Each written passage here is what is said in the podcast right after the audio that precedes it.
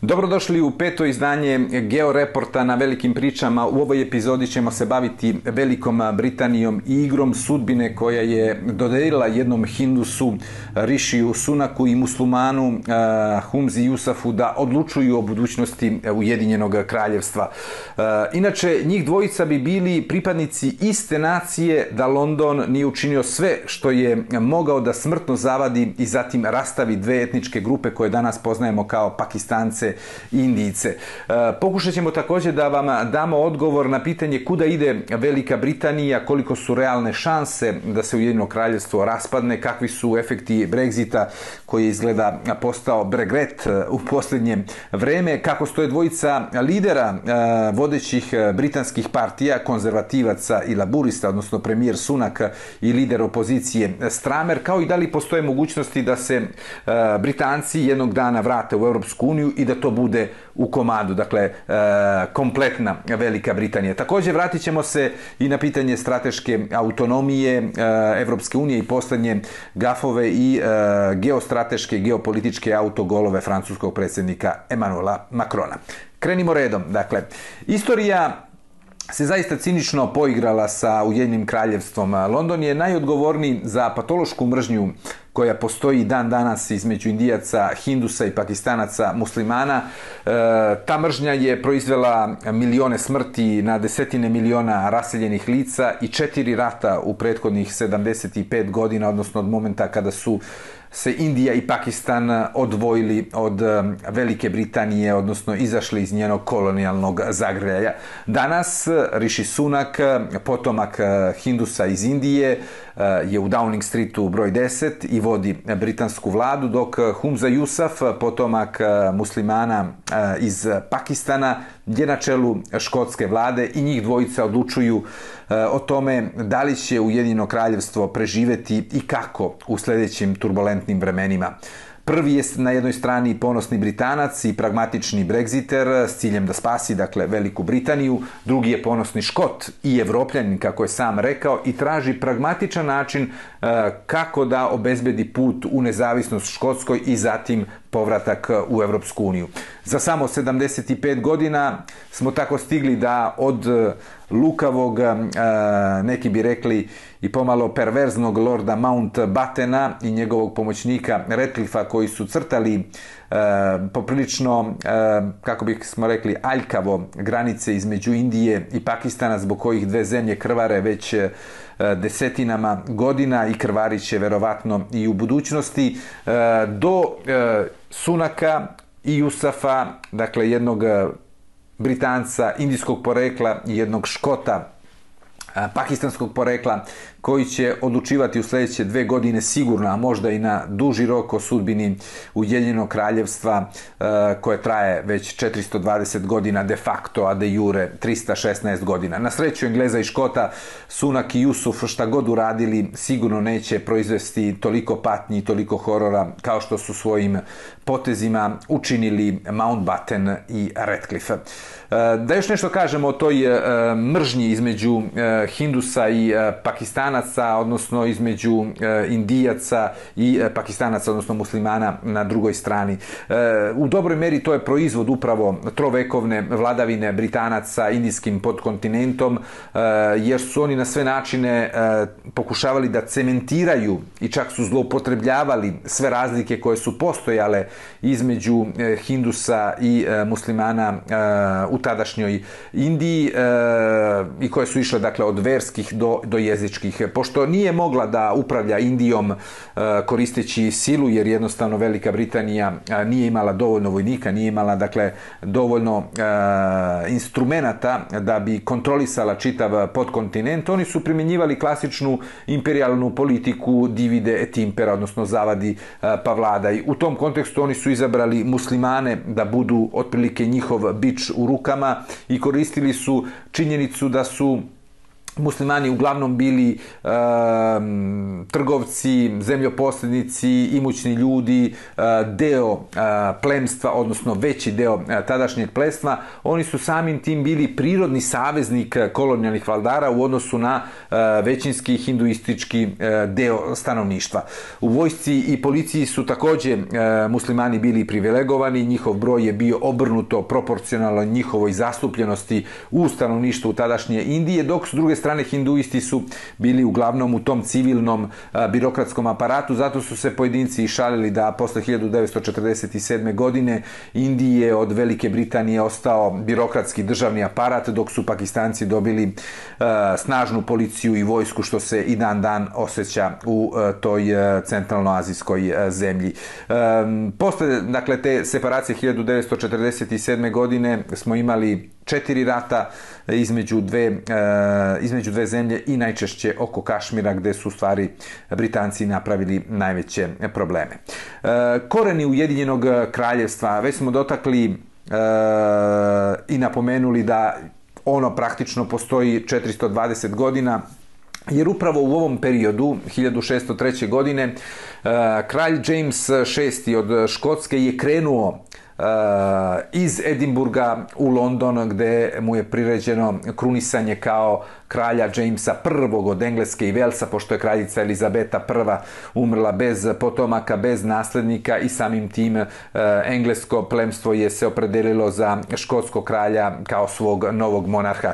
Već u svom eh, prvom govoru e, pred britanskim, odnosno engleskim parlamentom tada, novi škotski kralj je, možemo da kažemo, upotrebio jednu formulu koja i dan danas eh, eh, se koristi kada su u pitanju eh, verski, hrišćanski brakovi, odnosno da ono što Bog spoji čovek ne treba da rastavi.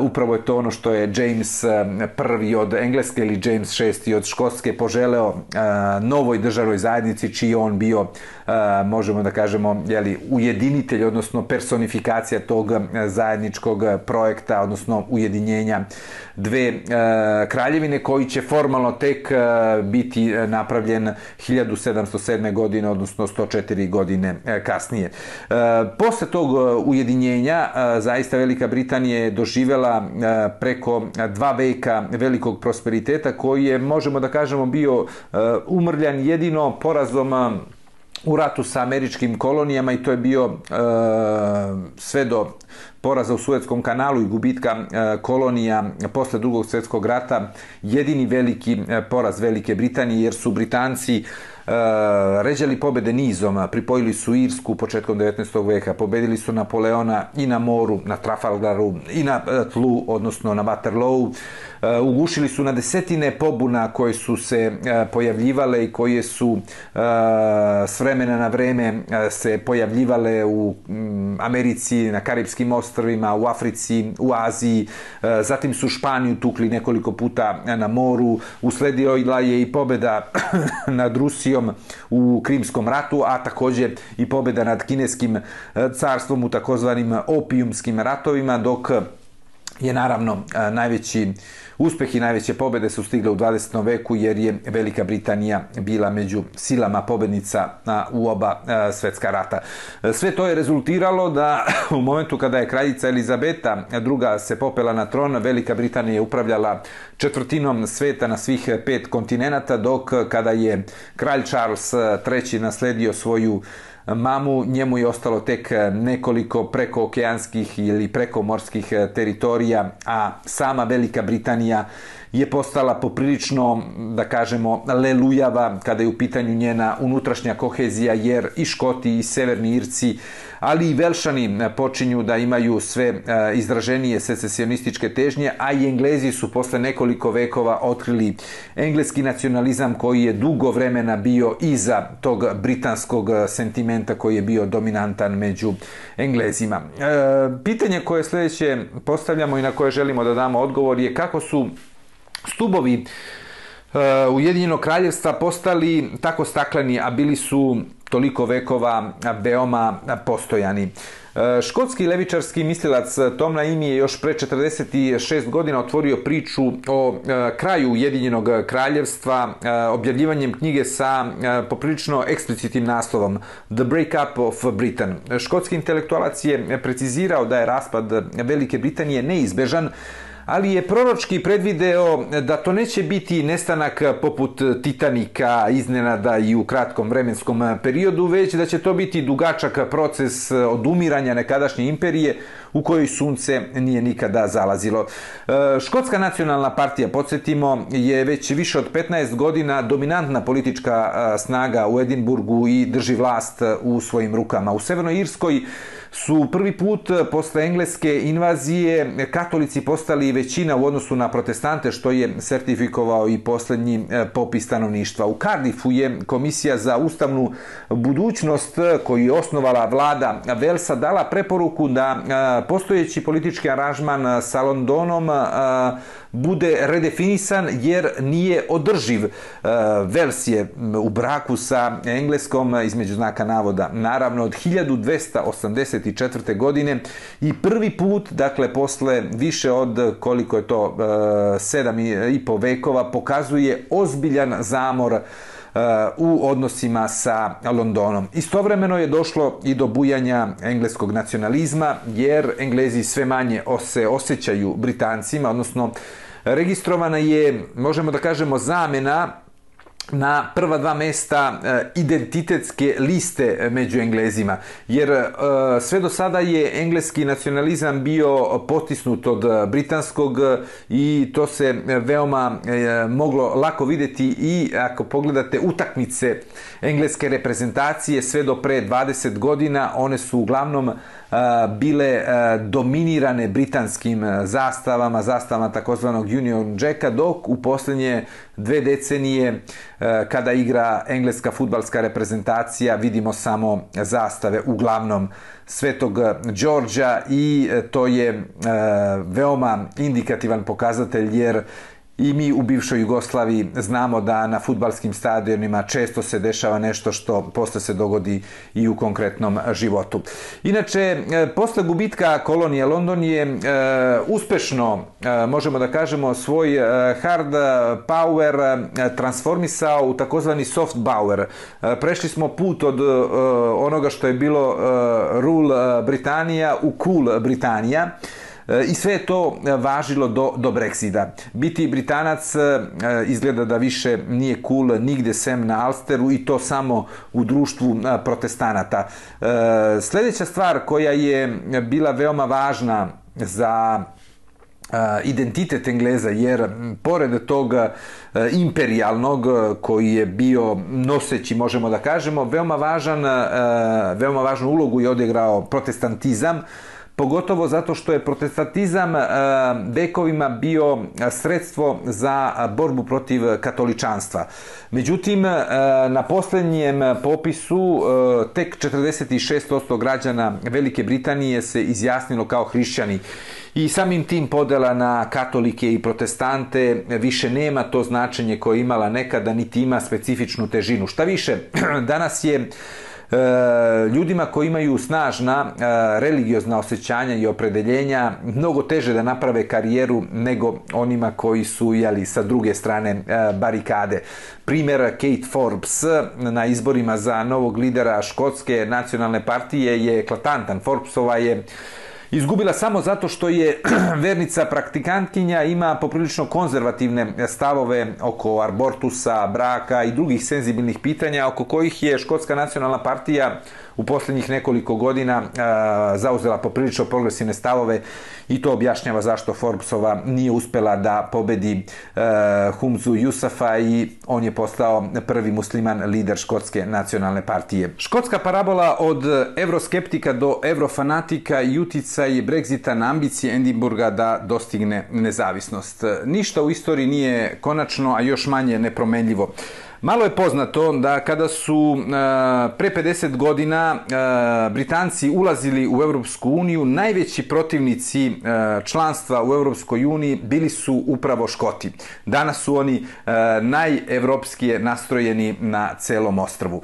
Novi lider Humza Jusaf je na inauguralnom govoru eksplicitno najavio nastavak borbe za nezavisnost. Istina, on nema nameru da od sljedećih parlamentarnih izbora za Westminster e, pravi e, referendumsko pitanje, odnosno referendumski da daje karakter tom izjašnjavanju na sljedećim izborima kao što je planirala njegova prethodnica Nicole Sturgeon, ali je svejedno postoje veoma ambiciozan cilj, a to je da Škotska dostigne nezavisnost u 2028. godini. E, broj građana Škotske koji podržava nezavisnost varira između 40 i 50%. E, Ponekad, e, u zavisnosti od političkog trenutka, može da prebaci tu čarobnu granicu od polovine birača, ali to ruku na srce se veoma redko dogodilo. Možemo možda da registrujemo samo period pandemije kada se Nicole Sturgeon pokazala kao mnogo e, efikasnija, kredibilnija e, i ozbiljnija u vođenju poslova kada je u pitanju e, pandemija nego što je to bio Boris Johnson koji se tada nalazio na čelu britanske vlade. Škotska nacionalna partija nije uspela dakle da obezbedi većinsku podršku za nezavisnost, ali je zahvaljujući tom obećanju ona dominantna partija već 15 godina severno od HDZ p-a Hadrianovog zida, naravno ovo uzmite kao stilsku figuru jer je granica između Škotske i Engleske nešto severnije od Hadrianovog zida. E, paradoksalno, e, Brexit deluje dvojako na škotske e, independentističke e, težnje. E, s jedne strane, e, pogotovo kada su u Downing Streetu tvrdi konzervativci i nacionalisti na vlasti poput Johnsona, Podrška za nezavisnost e, logično raste. Međutim, s druge strane, e, sa Velikom Britanijom izvan Evropske unije e, granica e, bi u slučaju izlaska Škotske iz Ujedinog kraljestva sa engleskom, odnosno ostatkom e, Ujedinog kraljestva, postala takozvana tvrda granica i Škoti ne bi mogli da koriste funtu, trgovinske, ekonomske povlastice koje imaju e, u ovom momentu i mogli bi da se nađu, možemo da kažemo, u nekoj situaciji koja bi mogla da se opiše ni na nebu ni na zemlji, jer s jedne strane bi izašli iz Ujedinog kraljevstva, a ne bi ušli u Europsku uniju i ne postoji nikakva garancija u kom vremenskom periodu i kada bi zaista mogli da postanu članica Europske unije. E, na ruku škotskih boraca za nezavisnost ne ide ni činjenica da je sve izvesnija pobeda i to ubedljiva laburista na sljedećim izborima i njihovog lidera Keira Stramera.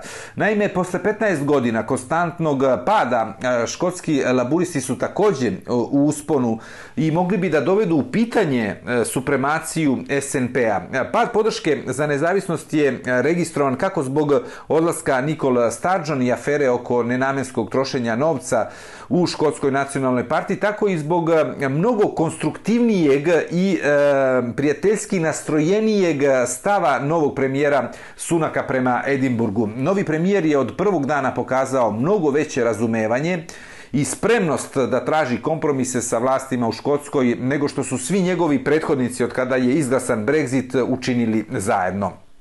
Stadžon je podnela ostavku iz e, nekoliko razloga. Ona jeste bila iznenađujuća, ali kada se sve rasplelo e, kao klupko u posljednjih nekoliko nedelja, postalo je jasno da njeni razlozi nisu bili samo zato što se umorila od politike i jer je politika e, brutalna. Njenom iznenadnom odlasku je doprinela i istraga o nenamenskom trošenju novca za koju je bio odgovoran njen suprug u Škotskoj nacionalnoj partiji, ali možda još više zbog nespremnosti partije da je sledi u njenom naumu da sljedeće izbore za Westminster pretvori u neku vrstu referenduma o nezavisnosti Škotske, pošto je nadležni sud u Londonu zauzeo stav da parlament u Edinburgu ne može da raspiše referendum bez odobrenja vlade u Londonu. Školskim zagovnicima zagovornicima nezavisnosti ne pogoduje ni sve zaoštrenija klima u Severnoj Irskoj, jer što je veća mogućnost povratka nasilja na ulice gradova na Alsteru, to je veća šansa da škotski e, građani povuku ručnu oko nezavisnosti čekajući neka bolja vremena. Izvinite. Može li nešto da spreči ujedinjenje Irskog ostrva? E, na dugi rok rekao bih ništa. Ali e, kvalitativan skok, i to je potrebno napomenuti, je napravljen jer pre Brexita Broj građana Alstera koji su za ujedinjenje sa ostatkom Irskog ostrva nije nikada prelazio 20%. E, posljednja merenja e, su pokazala da je sada podrška za ujedinjenje E, dve e, Irske preko 30%, dok je prvi put broj onih koji su eksplicitno protiv ujedinjenja Irskog ostrva pao ispod 50%, odnosno zaustavio se na 49%. Dakle, demografija i političko-ekonomske e, e prednosti koje daje članstvo u Europskoj uniji e, rade u korist ujedinjenja Irske. E, međutim, do ujedinjenja neće doći tako brzo. E, ne u sljedećih deset godina, kako to priželjkuju lideri Sinn Feina na obe e, strane granice na ostrvu, ali posle 2035. godine bit će pitanje samo vremena kada će se to dogoditi. Jedina šansa da London odloži na duži vremenski rok ujedinjenja Irskog ostrva je stvaranje novog nacionalnog identiteta, to jest E, stvaranje e, severnih Iraca koji neće biti ni Britanci, kao tvrdi protestanti na Alsteru, ali nirski nacionalisti kao, e, možemo da kažemo, rigidni e, katolici. E, naime, na Alsteru se već formirala ta jedna grupa koja otprilike ima između 15 i 20% građana koji sebe e, smatraju gotovo podjednako udaljenim ili bliskim, ako hoćete, Londonu i, i Dublinu i sa idejom da bi Severna Irska trebala da bude zasebna celina. E, ko bude u budućnosti uspeo da pridobije upravo tu e, grupu koja razmišlja tako politički identitetski između Londona i Dublina biće mnogo bliže da realizuje svoje nacionalne interese. E, da li je Rishi Sunak bolji od svojih prethodnika u Downing Streetu i tu mislimo na period od momenta kada je izglasana Brexit 2016. godine pa do danas i u ovom e, periodu je promenjeno e, čak pet premijera. Mislim da čak jedan premijer više smo imali u Velikoj Britaniji u istom vremenskom periodu nego u Italiji koja je poznata jeli, po veoma čestom i frekventnom menjanju predsjednika vlada. Velika Britanija Dakle, eh, je promenila eh, toliko eh, premijera u posljednjih 6-7 godina, što je pokazatelj političke nestabilnosti, ali možemo da kažemo da konačno, posle svih tih promjena, ima jednog respektabilnog predsjednika vlade, odnosno premijera. Sunak se pokazao barem za sada, kao mnogo bolji premijer nego što se to očekivalo. Sa njim se u Downing Street, kako sami englezi priznaju, vratila ozbiljnost, stručnost, kompetentnost, empatija i praktično je ispraćena na vrata evrofobija koja se poprilično raširila e, tokom perioda u kojem je u e, donjoj ulici broj 10 boravio Johnson i kratko vreme njegova naslednica e, Truss.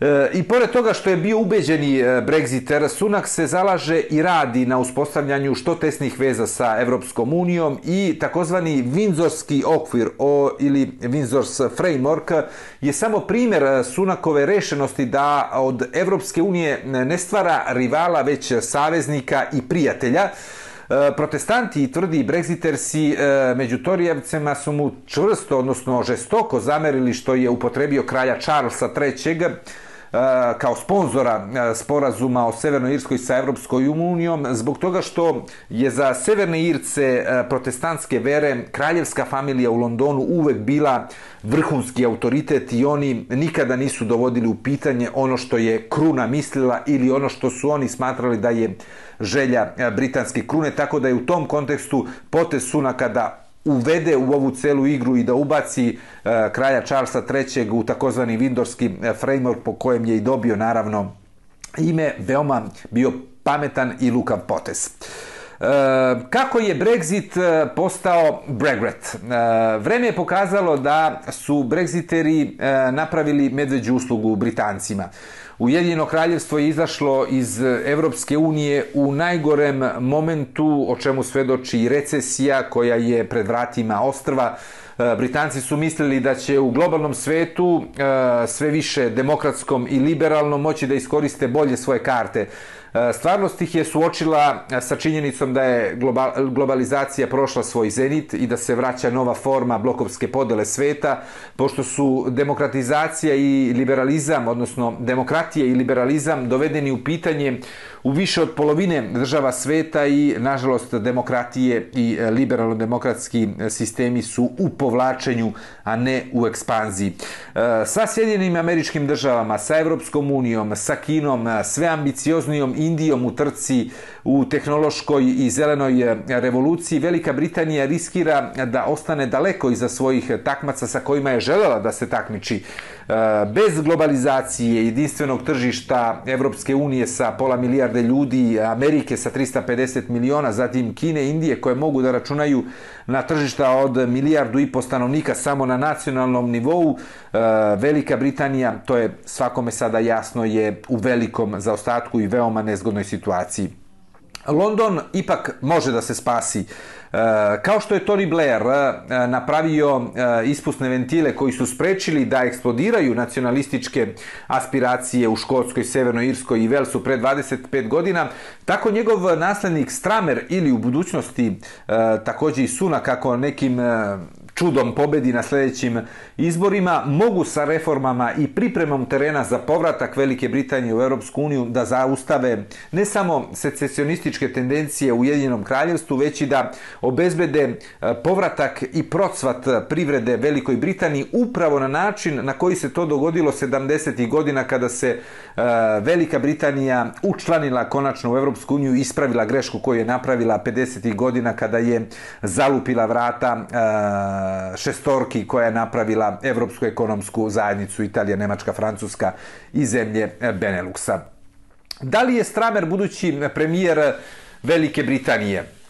Izgleda da jeste i njega iz ovu, e, možemo da kažemo u kolokvijalnom e, kontekstu, u uh, E, krugovima na, na temzi koji su veoma dobro upućeni u političke priloge kao premijer u čekanju ili na čekanju. E, Stramer je prvi laboristički e, lider koji imitira Tonija Blaira od načina na koji zavrće rukave svoje košulje kada drži mitinge do toga da kao laburista govori kao konzervativac. E, istorijska odluka Stramera da izbaci iz partije antisemitu i najgoreg lidera laburista u istoriji Jeremija Korbina prošla je bez velike pompe jer je pala u senku zbog toga što se dogodila istog dana kada je Nicole Sturgeon objavila da se povlači sa mesta lidera Škotske nacionalne partije i mesta predsjednika vlade Škotske. E, laburisti su e, samo sa Blairom, podsjetimo, pobedili tri puta uzastopno na izborima u povesti i sada su sa e, Stramerom u poziciji da ostvare veliku pobedu možda i najubedljiviju, možda čak i ubedljiviju od onu koju je e, ostvario e, Tony Blair pre koliko već više od 26-7 godina. Međutim, e, potrebno je da lider laburista nastavi da vuče veoma pametne poteze kao što je to činio do sada i da ostavlja utisak političara koji E, E, nema, možemo da kažemo kao e, repertoar svojih poteza ni avanturizam, niti e, neizvesnost e, kao obrazac političkog delovanja. I pored toga što se 60% Britanaca danas kaje što su izašli iz Evropske unije, e, pa je zbog toga upravo e, Brexit preimenovan u Brexit, Stramer ne obećava povratak u Evropsku uniju jer ne želi, i tu ima pravo, da otvori e, svežu ranu i oživi posrnule Torijevce i političke pokojnike kao što je Nigel Farage.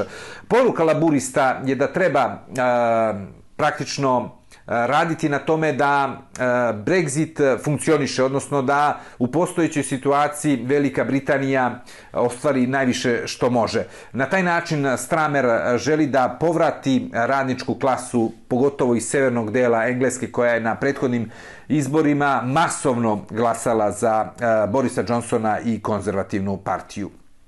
Da li Ujedino kraljevstvo može da se vrati u Evropsku uniju? Um, Mm, u ovom momentu ne. i neće to biti moguće sigurno u sljedećih desetak, možda i 15 godina. E, međutim, prvi uslov da bi se otvorila vrata za eventualni povratak Ujedinog kraljevstva u Evropsku uniju je ubedljiva pobeda laburista i solidan rezultat proevropskih partija, tu mislimo na liberal demokrate i zelene, ali i na škotsku nacionalnu partiju na sljedećim izborima e, koji bi trebalo da se održe krajem 2024. godine ili najkasnije u januaru 2025. godine. E, sljedeći korak e, bi mogao da bude neka vrsta, dakle, kada bi se ostvarila ta ubedljiva pobjeda na sljedećim izborima, e, mogao bi da bude dakle organizovan taj neki konsultativni referendum koji bi omogućio vladi u Londonu da ispita mogućnosti sa Evropskom unijom o povratku Velike Britanije. Zatim bi bila potrebna još jedna velika izborna pobeda laburista i proevropskih eh, snaga koja bi, koja bi potvrdila praktično tu volju izraženu na tom konsultativnom, odnosno savjetodavnom referendumu i koji bi imao jeli, za konačni cilj ispravljanje greške iz 2016. godine i koja bi dala na neki način sada ta druga izborna pobeda i konkretan mandat novoj vladi da otpočne pregovore sa Briselu, sa Briselom o onome što bi mogli da nazovemo i kao mm, brekam back, jeli, moglo bi da bude to otprilike nova kovanica za povratak Velike Britanije u Evropsku uniju. U nekoj budućnosti, naravno ovde podlačimo, ne govorimo o nečemu što je iza vrata, iza ugla, nego tek nešto što će se događati za možda 10, 15 ili 20 godina. Prvo pero Financial Timesa, e, Gideon Rahman je nedavno napravio scenario za povratak uh, Ujedinog kraljevstva u Europsku uniju u 2026. godini, pozivajući se na presedan iz 17. veka, kada je Englezima trebalo 11 godina da shvate da je bila zabluda e, Cromwellova epizoda i da se vrate kruni i monarhiji. To nije realno, jer rane koje je ostavio Brexit su previše duboke za tako brz povratak, ali kao što se pragmatični optimisti na obali Temze e, uzdaju da bi e, sve moglo da se e, dogodi kada prođe jedna generacija, to znači 20 godina, to nas upućuje da 2000, između 2035. i 2040. godine bi mogao da se dogodi taj comeback Velike Britanije u Europskoj uniji. Tim pre što Englezi Eh, ako se vrate u Evropsku uniju, oni će morati da plate visoku cenu koju nisu morali da plate kada su ulazili prvi put i nisu morali da plate kada su potpisivani najvažniji ugovori tokom eh, 90-ih godina, jer će ovoga puta eh, e, Ujedino kraljevstvo morati da prihvati evro kao zajedničku valutu, morat će da prihvate šengenski sporazum, odnosno ulazak u šengensku zonu. Međutim, kada se bolje razmisli, ako su u Londonu pristali da budu junior partner nekadašnje njihove kolonije Sjednjih američkih država, zašto na kraju ne bi konačno pristali da postanu i stvarni, a ne samo geografski deo Evrope. I kada govorimo o Evropi, I kada govorimo o povratku eventualno Velike Britanije, a to bi zaista bio i veliki znak i veliki e, zamajac za ono što zovemo geostrateška autonomija Evrope ili Evropske unije, dolazimo do Emanuela Makrona i njegovih e, posljednjih nastupa i izjava koji su u dobroj meri šokirali e, deo zapadne javnosti, pogotovo e, partnere u Evropskoj uniji, manje Sjedinjene američke države, jer oni su se navikli na te ekstravagantnosti francuskih predsjednika još od Charlesa de Gaulle pa, pa na ovamo. E, dakle, pitanje koje postavljamo, šta se dogodilo sa Makronom? Makron je napravio seriju, e, možemo da kažemo, neoprostivih grešaka i autogolova koji mogu čak i e, nepovratno da deluju na njegovu dalju političku karijeru, ne samo u Francuskoj, već i u Evropskoj uniji. Šta više, ako ne bude napravio zaokret za 180 stepeni i to u veoma kratkom vremenskom roku, njegova politička karijera u Evropi e, će biti završena sa istekom njegovog predsjedničkog mandata. E, Macron je već imao gotovo pola Evrope protiv sebe. Već, dakle, je bio da kažemo eufemistički rečeno nesimpatičan istočnom delu i skandinavskom delu Evrope, a sa proklamnovanom politikom apismenta prema Kini i od druge polovine je stvorio neprijatelje ili je unao veliku dozu nepoverenja i podozrenja, pogotovo kod glavnog saveznika e, Savezne Republike Nemačke.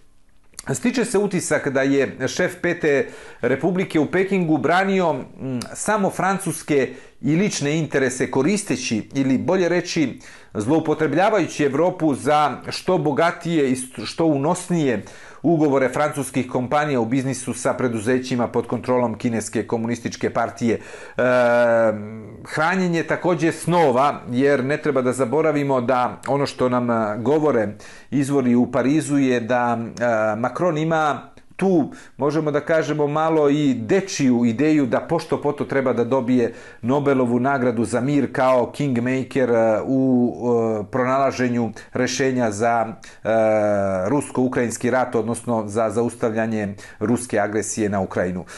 Macron je dozvolio Xi Jinpingu i njegovom protokolu da isponižavaju predsjednicu Evropske komisije Ursulu von der Leyen koja mu je učinila uslugu. I tu je još veća krivica Makrona jer je upravo von der Leyenova napravila njemu uslugu e, pojavljujući se na njegovom putovanju u Kini e, jer je htela da tako da i da mu omogući da njegova poseta, Makronova poseta ima i taj evropski karakter i evropski značaj. E, zaista to je neoprostivo sa političke, ali i sa ljudske strane kada je u pitanju ponašanje Makrona i nažalost to nije bilo prvi put da je Ursula von der Leyen bila ostavljena na cedilu od svojih kolega u Evropskoj uniji još uvek je sveže sećanje na ponašanje predsjednika Evropskog savjeta Šarla Mišela tokom posete e, Turskoj kada se Erdogan porašao krajnje nekorektno prema e, predsjednici Evropske komisije Ursuli von der Leyen. E, druga greška Makrona je bila vođenje svite francuskih industrijalaca u okviru državne delegacije što je u startu, e, baš kao i nemačkog kancelara Olafa Šolca, e, pre pola godine dovelo i predsjednika Francuske u podređeni položaj u vizavi odnosu sa e, kineskim predsjednikom Xi Jinpingom. Treća i neoprostiva greška Makrona je da je nepromešljenim izjavama oslabio posle posete Xi Jinpingu poziciju bloka slobodnih i demokratskih e, država i doveo u pitanje jedinstvo i koheziju Evropske unije u veoma delikatnom geopolitičkom momentu. Paradoksalno, Macron, koji se borio za federalnu Evropsku uniju i njenu stratešku autonomiju, sahranio je oba ključna cilja e, za opstanak Evrope, kako znamo, u prethodnih nekoliko dana. Jer nordijska i istočna Evropa, kao što ste mogli da čujete kroz izjave raznih e, e, državnika, premijera i predsjednika država istočnih e, i severnih država Evrope, su pokazale da će one u budućnosti sve više biti zagovornice atlantskih, a sve manje evropskih dubljih integracija, dok će Nemačka morati da se distancira, što će e, na neko vreme demontirati evropsku lokomotivu, a bez nje, kao što znamo, nema produbljivanja evropskih integracija i nema nikakve šanse da Evropa krene putem federalizacije. E, posljednja dva pitanja, antiamerikanizam i degolizam u današnjoj Francuskoj. Nije tajna da u Francuskoj postoji nekoliko vrsta uh, Eh, antiamerikanizama, među kojima je najopasnija eh, ona koju definišemo kao degolovska, odnosno degolovski antiamerikanizam.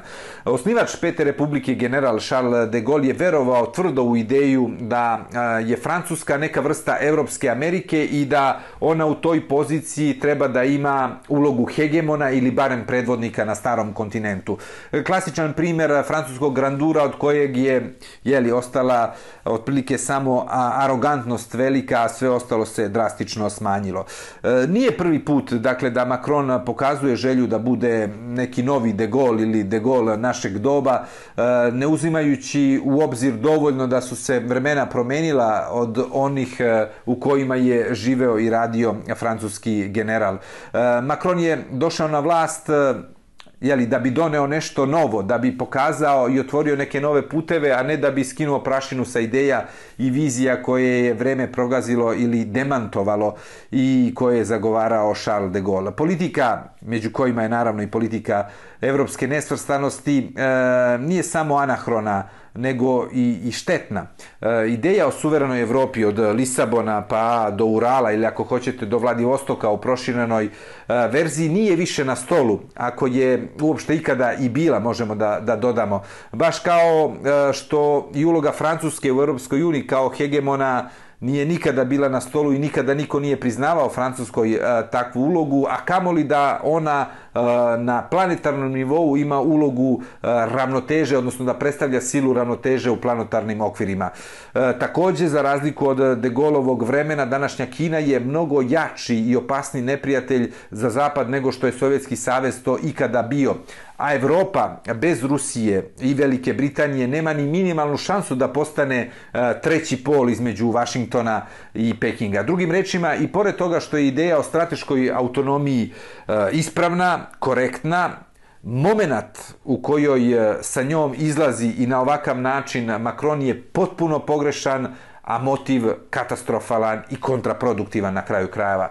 E, De Gaulle je, podsjetimo, u jeku hladnog rata izveo Francusku iz vojno-komandnog lanca NATO-a i primorao Severnoatlantsku alijansu da se preseli iz Francuske u predgrađe Brisela, odnosno u Zaventem, e, a Macron je u prethodnih nekoliko meseci odnosno godina proglašavao NATO klinički mrtvim, držao je kontakte sa ruskim predsjednikom Vladimirom Putinom najduže od svih ostalih zapadnih lidera i na kraju je stavio znak jednakosti između Kine i Sjedinjenih američkih država po pitanju Tajvana iznoseći stav da bi Evropa trebalo da ostane po strani ako dođe do sukoba. Tajvan eh, je mnogo značajnije eh, pitanje za sudbinu sveta eh, nego što je to Ukrajina. I ishod rata u Ukrajini neće mnogo promeniti odnos snaga, čak ni na starom kontinentu, a kamoli na planetarnom nivou, dok će E, upravo sukob između Kine i Sjedinjenih američkih država oko Tajvana e, biti taj koji će promeniti i ima potencijal da promeni kompletno dalju budućnost e, čitave planete, bilo da govorimo u, u dobru ili u zlu. I na kraju pitanje, da li uopšte Evropa može da bude geostrateški autonomna? Najkraći odgovor je da, ali ne danas i ne u tako bliskoj budućnosti, jer su se geopolitičke prilike E, toliko promenile da Evropa jednostavno još dugi niz godina ili čak decenija bez Amerike neće moći da opstane e, ovakva kakva je danas kao oaza sloboda i prava u sve turbulentnijem svetu.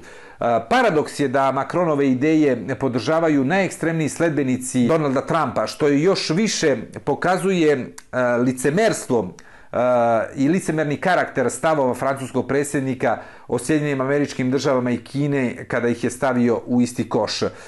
Jednostavno, Amerikanci su zadužili Evropu tri puta, barem u prethodnom veku, kada su je spasili u Prvom svjetskom ratu, Drugom svjetskom ratu, zatim i u hladnom ratu, a takođe i u ovim decenijama, odnosno u posljednjih e, godinu i nešto dana, oni su ti koji daju najveći doprinos u odbrani Ukrajine od ruske agresije. E, tačno je da Evropska unija ne treba e, da sledi slepo spoljnu politiku Sjedinjih američkih država i da prati Washington u svim njegovim avanturama, pogotovo kada pokušava da izvozi demokratiju kao što je to bio slučaj u Iraku i Afganistanu. Međutim, na Tajvanu se brani demokratija i pravo na slobodan izbor mnogo više nego što se e, u Ukrajini brani Evropa. Još direktnije, ako padne Tajvan, bit će svejedno kako će se završiti ruska agresija na Ukrajinu. Zato samo kratkovidi evropski političari mogu da misle da ih sudbina Tajvana ne dotiče, da ih se ne tiče i da to nije njihov rat. E,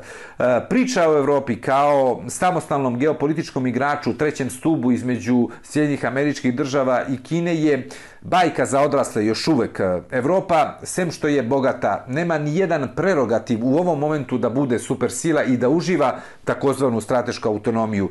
E, stanovništvo Evropske unije je staro i orijentisano da brani stečena prava i blagostanje, što i vidimo upravo na francuskim ulicama u svim ovim prethodnim nedeljama i Evropa nema želju da dominira ni u svom unutrašnjem dvorištu, o čemu smo svedoci mi na Zapadnom Balkanu, jer vidimo kako se ponaša Evropska unija prema zemljama Zapadnog Balkana, a kamoli dakle, da ima želju da dominira celim svetom. Građanski Evropske unije ne razmišljaju u imperialnim, već isključivo u ekonomskim okvirima i parametrima. Zato je Eh, i dalje naivno smo verovali da eh, samo preko bruto društvenog proizvoda, preko blagostanja, uslova života može da se vodi i da se tumači svetska politika. Ruska agresija na Ukrajinu i pripremanje invazije kineske na Tajvana su najbolji eh, dokazi koliko takvo razmišljanje nije ispravno i koliko nas vodi na stranputicu. Evropska unija ne raspolaže ni vojnom silom, ani rezervama redkih metala i primarnih materija da bi mogla da ravnopravno učestvuje u trci sa Kinom i Sjedinjenim američkim državama u novoj tehnološkoj revoluciji. Dakle, Evropska unija je nastala pod kišobranom Sjedinjenih američkih država i postala najbolje mesto za život na planeti kao deo američke imperije. Naravno da to nije idealan scenario, ali e, kao što je Churchill e, rekao za demokratiju, e, da ga parafraziramo, biti deo američke imperije je najgora opcija ako se izuzmu svi ostali isprobani ili mogući scenariji. Mislite o tome. A mi vam najavljujemo za sljedeći, e, sljedeću epizodu našeg podcasta i našeg georeporta veliku priču upravo o Kini i o Tajvanu. Do sljedećeg gledanja.